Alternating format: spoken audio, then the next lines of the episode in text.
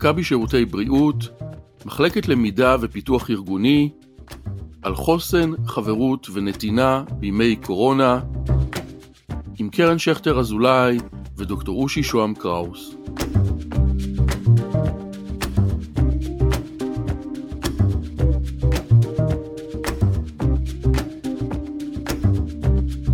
אנחנו עובדים קשה, זה לא חדש. חוץ מזה, יש לנו משפחות ובתים וחיים לנהל. הכל אינטנסיבי, ולפעמים לוחץ, והרבה הרבה לא פשוט. אבל אף פעם לא דמיינו שנזרק ככה בבת אחת כלוחמים לחזית במאבק עולמי במגפה. ופתאום העולם שלנו משתנה, כמויות העבודה בלתי נגמרות, האתגרים עצומים, הלחץ לא פשוט, וגם חרדה מציפה אותנו לפעמים. ואנחנו שואלים, איך נחזק את עצמנו? מאיפה נשיג את החוסן הפנימי להתמודדות עם המשימה האנושית האדירה שהוטלה עלינו? שלום, כאן דוקטור אושי שוהם קראוס. אני דוקטור לפילוסופיה של הכלכלה, מרצה באקדמיה, בעל טור פרשני בגלובס ופודקאסטים שונים. כמרצה לפילוסופיה, אני עוסק לא מעט במחשבות שלנו וברגשות שלנו, גם בימים רגילים, ובמיוחד בתקופות משבריות. אני מביט עליכם אנשי מכבי שנמצאים בחזית עבור כולנו, מביט ומתפלא. מהיכן אתם שואבים כוחות להתמודדות ארוכה כל כך? כדי להשיב על כך ובמסגרת בית המרקט של חודש אוגוסט, אני יוצא לפגוש את קרן שכטר אזולאי, ראש מחוז דרום במכבי, וללמוד ממנה על חוסן.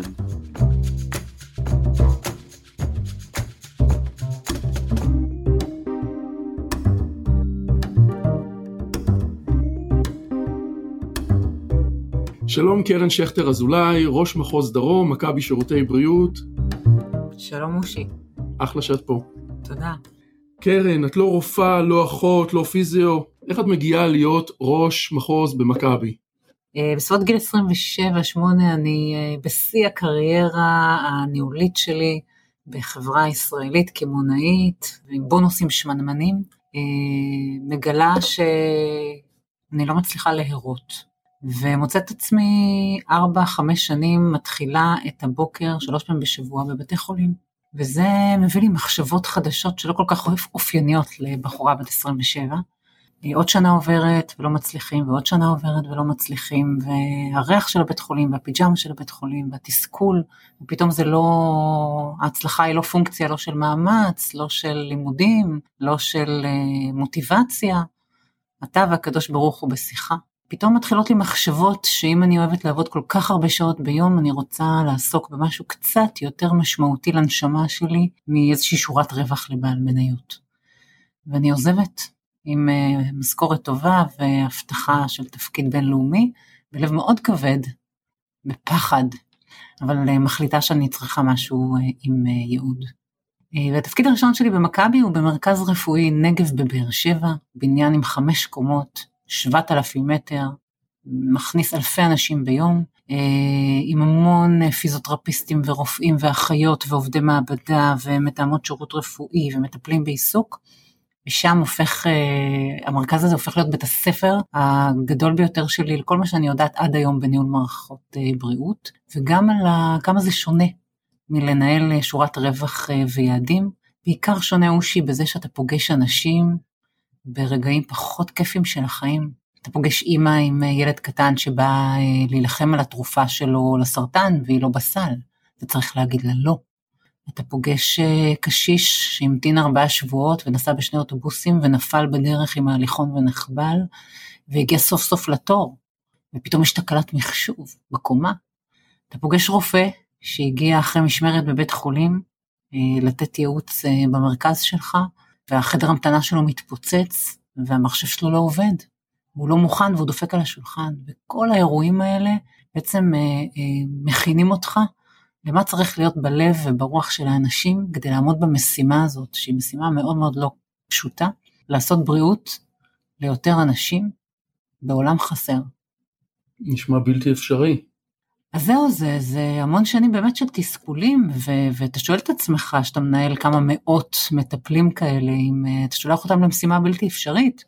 פתאום חשבתי על זה איזה יום, שבכלל כולנו נמצאים בעולם שהופך להיות קצת כאוטי, כן? יש מונח שנקרא ווקה, עולם שהוא בהפרעה. ואחרי שכאבה לי נורא נורא הבטן כמנהלת, אז פתאום שמתי לב שיותר קשה היום להיות uh, הורה, יותר קשה היום להיות שוטר, יותר קשה היום להיות מורה.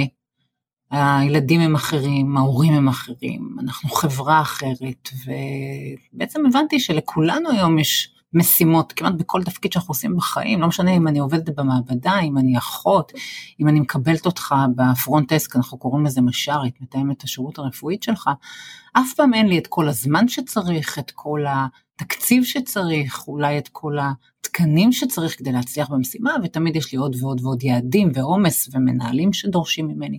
אפילו ממני, גם היום, מושי. מה המשימות הבלתי אפשריות שלך? אז אחת המשימות הבאמת אה, שהבהילו אותי נורא, זה שאחרי שעשיתי אה, תפקיד מטה כמנהלת האסטרטגיה בלשכת מנכ"ל, קרא לי הבוס ואמר לי, תקשיבי, את הולכת להיות ראש מחוז במחוז הדרום. מחוז הדרום במכבי פרוס על חצי משטח המדינה. 200 ערים ויישובים, 400 אלף חברים, מאות מטפלים. ואתה אומר, איך עושים את זה? אם לעשות בריאות ברעננה ובגבעתיים, עיר הולדתי, ובתל אביב זה לא פשוט, איך עושים את זה במדבר? איך עושים את זה כשזאת האוכלוסייה עם המדדים הסוציו-אקונומיים הכי נמוכים, והרופא אומר לגברת עוד פעם ועוד פעם, לכי תקני את התרופות והיא לא קונה? איך עושים את זה כשכל שוק uh, תשומות הבריאות, חסרים רופאים, חסרים פיזיותרפיסטים, חסרות אחיות, קשה מאוד להשיג רוקחים בדרום, אפילו הצפון, שהוא גם סוג של פריפריה, הוא שופע באחיות, ברוקחים, אין בעיה, כי יש שם המון בתי חולים, יש שם המון יישובים עם השכלה כזאת מתאימה. אז אמרתי, אולי uh, עבדו עליי, שלחו אותי לי עוד פעם לאיזה משימה בלתי אפשרית כזאת. ונורא נורא נבהלתי. Uh, ואז חשבתי, התחלתי קצת לחקור, ונזכרתי בצבא, למשל. אנחנו מדינה שמוקפת אתגרים צבאיים. וחשבתי על זה שכשצריך לשלוח צוות, אותי ואותך, למשימה במדינת אויב באמצע הלילה, כשאנחנו לא יודעים מה מחכה לנו שם, אנחנו לא יודעים כמה אנשים או שאנחנו צריכים לקחת איתנו, אנחנו לא יודעים איזה אמצעים וכמה תקציב אנחנו צריכים לצורך המשימה. הנה סוג של משימה בלתי אפשרית. את מי בוחרים? האם בוחרים אה, יחידה מיופייפת מהקריה עם מדים מגוהצים ומצגות מצוינות ואין סוף אה, נאומים דידקטיים מפוארים? לא. בוחרים אה, למשימות הבלתי אפשריות יחידות מיוחדות. התחלתי לחשוב מה מיוחד בהן. מיוחד בהן היחסים בין הלוחמים. זאת אומרת, איזה יחסים יש לנו שם? יש שם יחסים של אהבה. הם ישנים ביחד בלילה לפני שהם נופלים במדינת אויב למשימה הזאת, הם אה, מכירים אחד את הצרות של השני, הם רואים אחד השני נשברים ובוכים, נכון? הם תומכים אחד את השני, ורק כאשר הם מסוגלים לדבר בעיניים ויש להם אמון שאחד מוכן למות בשביל השני, אתה מכיר את זה? שמוכן להתפוצץ על הרימון כדי להציל את הצוות שלו. רק כשיש יחסי אמון כאלה, אפשר לפצח משימה בלתי אפשרית. וזאת תובנה שגם קיבלתי השראה מחומרים שקראתי, שהבנתי שאם אני רוצה להביא יותר בריאות לאוכלוסייה הכי פריפרית, הכי מפוזרת, הכי ענייה, אה, עם, אה, עם תורים הכי ארוכים לשירותי בריאות, אני חייבת לדאוג ללב של האנשים, ממש ללב, ללב של הרופאים, שרופא ירגיש אהוב. אם הוא מרגיש אהוב, כי יש מי שיחליף לו את הנייר במדפסת, ויש מי שיכין לו קפה בשנייה שהוא הגיע ממשמרת בבית חולים, ויש יש מי, מי שיגבה אותו כשהוא טועה, יש מי שיענה לו כשיש לו תקלת מחשב, ולא ישלחו אותו לחכות ב... ב איך זה נקרא? בנתב, בהמתנה, כשיש לו 60 איש מחוץ לחדר, אז כשפורצת קורונה, ואני אומרת לו, דוקטור, אני יודעת שאתה מעל גיל 60, אני יודעת שיש לך מחלת רקע, אבל אם אתה לא תיסע לירוחם, אין לי שם שירות לחולה סרטן או לילד אה, שצריך אה, מעקב, הוא פתאום נותן לך כתף. אז משימות בלתי אפשריות מנצחים עם יחסים? עם יחסים קרובים, מושי. קרן, קשה לך בקורונה? מאוד. ספרי. זה גם לא נגמר. ספרי.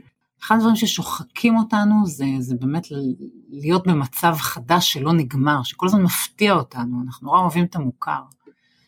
וכשאני מרגישה ככה, אני מנסה רגע לטפל בשני מישורים. אחד זה לחפש מה ההזדמנויות של הברוך הזה. ברוך, לא כיף. לא כיף קורונה. מהן ההזדמנויות? והאספקט השני זה איך אתה דואג ללב שלך, כבן אדם. אתה כבן אדם לא יכול לבוא שבור לאנשים שלך. אתה לא יכול לבוא אה, טרוט ועצבני. זה לא התפקיד שלך, זה כמו שאתה לא בא שבור ומייבב מול הילדים שלך. ויש רגעים שאתה שבור ומייבב. אז קודם כל אתה כבן אדם חייב לאתר את הרגע הזה של מה, מה, משמח לך את הלב, איך אתה מתדלק חזרת האנרגיות. גם כשאתה מנהל צוות אה, בפיזיותרפיה, או מנהל צוות במעבדה, והיה יום קשה, אתה חייב לזהות את זה ולדעת מה עושה לך שמח. לי עושה שמח לרוץ, אושי. מה עושה לך שמח? לקרוא? לאכול משהו טעים. לשחות?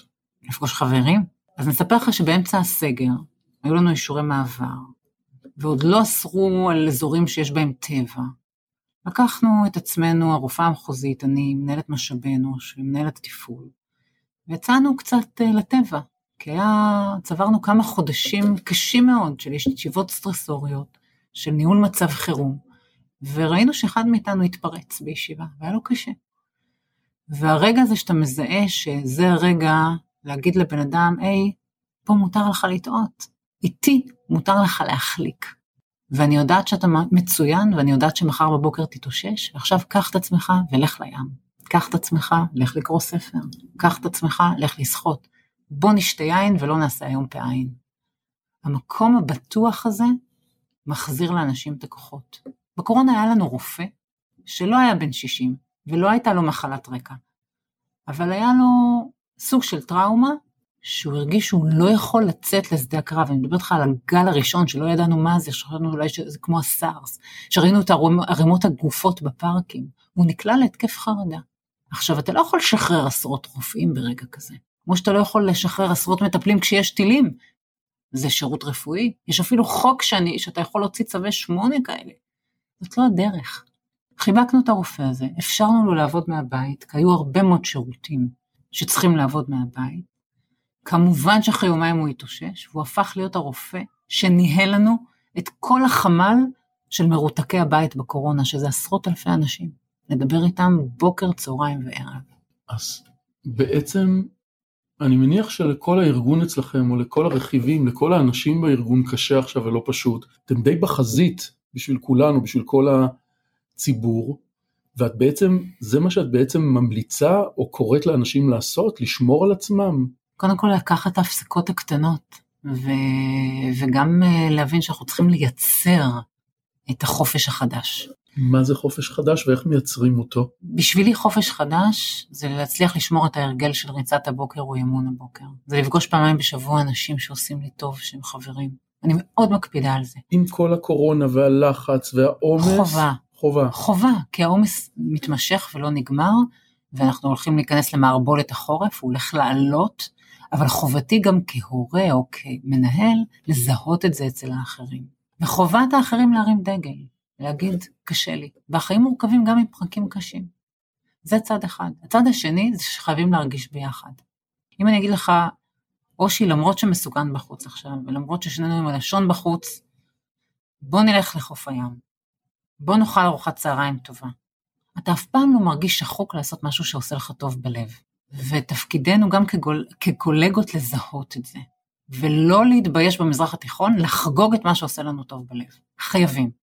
חוזרים למחרת יותר טוב. עכשיו אני אגיד לך על, הנשק הסודי שיש למטפלים עליי, כי פתחת בזה שאני לא מטפלת. פיזיותרפיסט, רופא, אחות, מש"רית, שיכולה לקחת את היד של חולה סרטן, או של אימא מבוהלת שלא ישנה בלילה, או של אדם שמפחד שהוא נדבק בקורונה והוא בהיסטריה, ולהרגיע אותו. אין בונוס בעולם שמרחיב את הלב שלנו יותר מהמעשה הזה. וכשאתה בנתינה, אתה מתחזק. אז כל פעם שמתגנבת ללב מחשבה של ייאוש, של שחיקה, של עייפות, טיפה נתינה, והלב מתמלא. בטח באנשים כמו שעובדים במכבי. וואו. אז באמת מבחינתך כולם בחזית. כולם כולכם, בחזית. כולכם בחזית תחשוב עכשיו. תחשוב על רופא ילדים, או רופא משפחה רושי. עוד שנייה בחורף. Mm-hmm. חדר ההמתנה שלו בכל רגע מלא בין 30 ל-60 איש. בר... זה לא, ברגיל. זה לא רק הוא, זה גם המזכירה הרפואית. וגם בעצם... האורתופד ליד וגם הרופאת נשים. כי כשיש לנו אירוע חשד לקורונה, אנחנו פתאום רואים את את הרסיסים על כל מי שעבר במרכז הרפואי ברגע הזה. עכשיו האיש הזה יוצא ליום עבודה, עוד מעט יהיה חום ואפצ'י ונזלת, ואין לו מושג מי קורונה ומי לא. והוא צריך לעבוד, לעבור ככה שש ושמונה שעות ולראות כל שש דקות אדם חדש. ולשמור את הלחלוכית בעיניים ואת המבט אליך ולתת לך תחושה של אמפתיה. וזה היום-יום שלו. לפעמים הוא בא מבית חולים, לפעמים הוא חוזר לאישה חולה בבית או לבן זוג חולה בבית, לפעמים הוא מעל גיל 60 או 70, לפעמים יש לו בעצמו מחלות רקע, יש לנו רופאים שנדבקו בקורונה. ואתה צריך לשמור על הרוח שלו, אתה צריך לשמור שהוא מרגיש שהוא לא לבד, כדי שהוא יוכל לקום למחרת.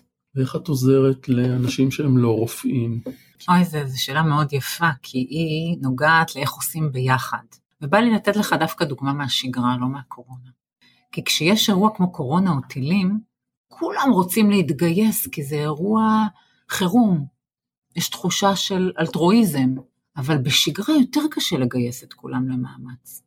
במשך עשרות שנים ניסינו להתגבר על בדיקה שעושים אותה אה, לחולי אה, סוכרת, שהיא בדיקה של איסוף שתן. וכמובן שאיפה אוספים שתן? במעבדה. ובמשך שנים היינו באיזשהו פלטו, לא הצלחנו כארגון לשבור תקרה של אחוז מסוים של ביצוע הבדיקה הזאת. בדיקה מאוד מאוד חשובה, היא בודקת חלבון בשתן. מה הייתה הבעיה בבדיקה? לא הייתה בעיה בבדיקה, אבל אנשים לא שיתפו פעולה, כי היא הייתה במעבדה, בנקודה אחת בלבד. עכשיו, דיברתי על בניין שיש לו חמש קומות.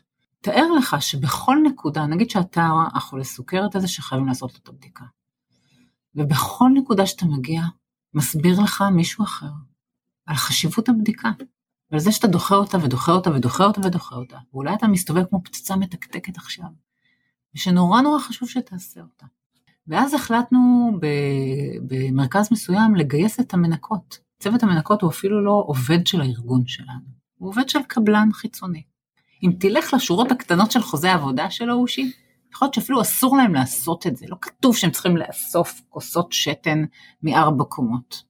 זה לא התפקיד שלהם. ואז גיליתי יוזמה של מנהל רפואי מאוד ותיק אצלנו במרכז הרפואי הזה שפרוס על חמש קומות, שהוא לקח את צוות המנקות, שאני מכירה אותם רק 17 שנה, וגם אותו 17 שנה, אבל אף אחד מאיתנו לא חשב על זה. הוא כינס אותם, לא כינס אותם המנהל של המנקות, לא כינס אותם המנהל המינהלי של המתקן, כינס אותם הרופא המנהל של המרכז הרפואי הזה, שיש לו שתי התמחויות. ישב איתם בישיבת צוות והסביר להם על המחלה, והסביר להם על החשיבות של הבדיקה. ועל איך אנשים מתים רק כי הם דוחים שנים את הבדיקה הזאת, איך הם מסתבכים ונדפקות להם הכליות. והצוות הזה של המנקות התחיל לאסוף את הבדיקה הזאת, לא מנקודה אחת במתקן של חמש קומות שפרוס על 7,000 מטר, אלא מ-70 נקודות במתקן הזה. ותנחש מה קרה אחרי עשרות שנים, שאחוז ביצוע הבדיקה היה תקוע על מספר מסוים. בום, שבירה של העקומה כלפי מעלה. לא בזכות רופאים שטיפלו במחלה, לא בזכות מנהלים אה, מאוד מאוד אה, מרשימים, לא בזכות אחיות או פיזיותרפיסטים, בזכות רופא שדיבר והסביר על חשיבות איסוף הכוסות. כלומר, כולכם, כלומר כולכם שותפ, שותפים בעצם. ומה שריגש אותי בסיפור הזה זה לא ההצלחה של הבדיקה, וגם לא צוות המנקות והרופא. אלא. אבל תדמיין את כל העובדים במעבדה, האחיות שחלפו במסדרון וראו רופא עם שתי התמחויות, לוקח צוות של מנקות, והופך אותם לשגרירות של בריאות, מכניס אותם תחת האלונקה ופתאום גם הן מחזיקות את המשקל. מה חושבים רופאים שעובדים שם 20 שנה ורואים מחזה כזה? מרגישים ביחד, מרגישים שכולם שותפים למאמץ. לא משנה כמה שנות אקדמיה היה לפנימאי הזה, הוא לא הצליח לבד להרים את אחוז ביצוע הבדיקות ולהציל עוד כמה מאות אנשים מלהיפרד מהכליות שלהם, מלהפוך להיות חולי דיאליזה קשים. מה שהפך את המשימה הבלתי אפשרית לאפשרית, זה לחשוב אחרת ולשתף פעולה בין פנימאי בכיר, צוות מנקות, ומרכז רפואי שלם ששותף למשימה הזאת. קרן, תודה. תודה, אושי.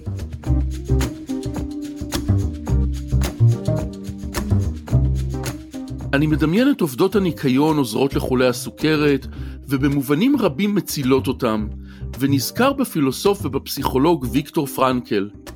פרנקל, שהושפע באופן עמוק מההתמודדות שלו עם מחנה ההשמדה אושוויץ, טען שהחוסן הנפשי שלנו ודרך ההתמודדות שלנו עם קשיים מבוססת על היכולת שלנו להעניק לחיים שלנו משמעות. אני חושב שקרן מדברת גם על זה. עם התובנה הזאת אני פוגש אותה שוב עכשיו כדי לקבל גם רעיונות פרקטיים יותר להתחזקות. קרן, בעקבות הסיפור שלך אה, על הרופא עם החרדה ובעקבות הסיפור עם המנקות, אני בעצם אה, מבין שיש כל מיני אה, דרכים שיכולות לעזור לנו להתחסן. יש לכם איזושהי מחשבה על משהו במחוז לקראת חוסן שלנו, של כל העובדים?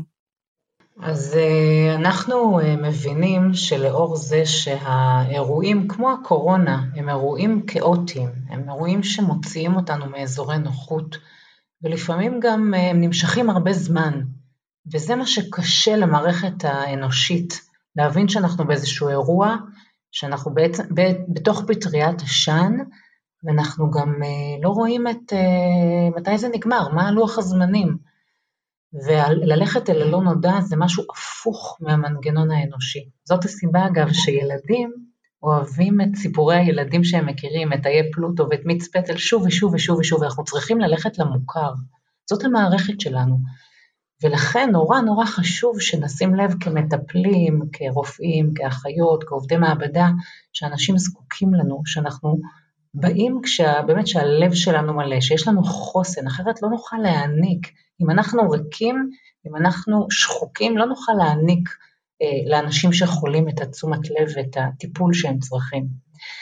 אז חשבנו ככה לקראת החורף במחוז הדרום, חברנו אה, גם אנשי מנהל, גם אנשי אה, סיעוד ורפואה, ובעצם החלטנו על אה, איזשהו פרויקט לחורף, לטפל במטפלים שלנו, החלטנו שהחיסון לאירוע הקורונה הוא החוסן שלנו.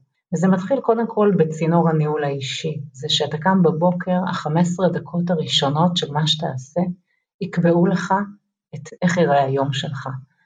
ולפעמים אנחנו צריכים להכריח את עצמנו לא לקפוץ ולגעת בסלולרי ובוואטסאפ ובמייל, ואולי רגע לשמוע קצת מוזיקה, או לראות תמונה שממלאה לנו את, ה, את הלב ואת הראש בהשראה, או לצאת להליכת בוקר באוויר, ופשוט להתעקש על ה-15 דקות הראשונות של משהו שעכשיו אנחנו מזריקים ללב שלנו כוחות כדי לטפל באחרים. האחרים הם בני הבית שלנו, האחרים הם הצוות שלנו בעבודה, האחרים הם הבוסים שלנו, לפעמים גם הבוסים שלנו צריכים תשומת לב ואהבה. האחרים הם המטופלים שלנו. אז קודם כל הבוקר, לשים לב לבוקר, ולהתעקש על הריטואל בוקר שממלא לנו את הכוחות. הדבר השני זה שהבוקר מתחיל בלילה שלפני.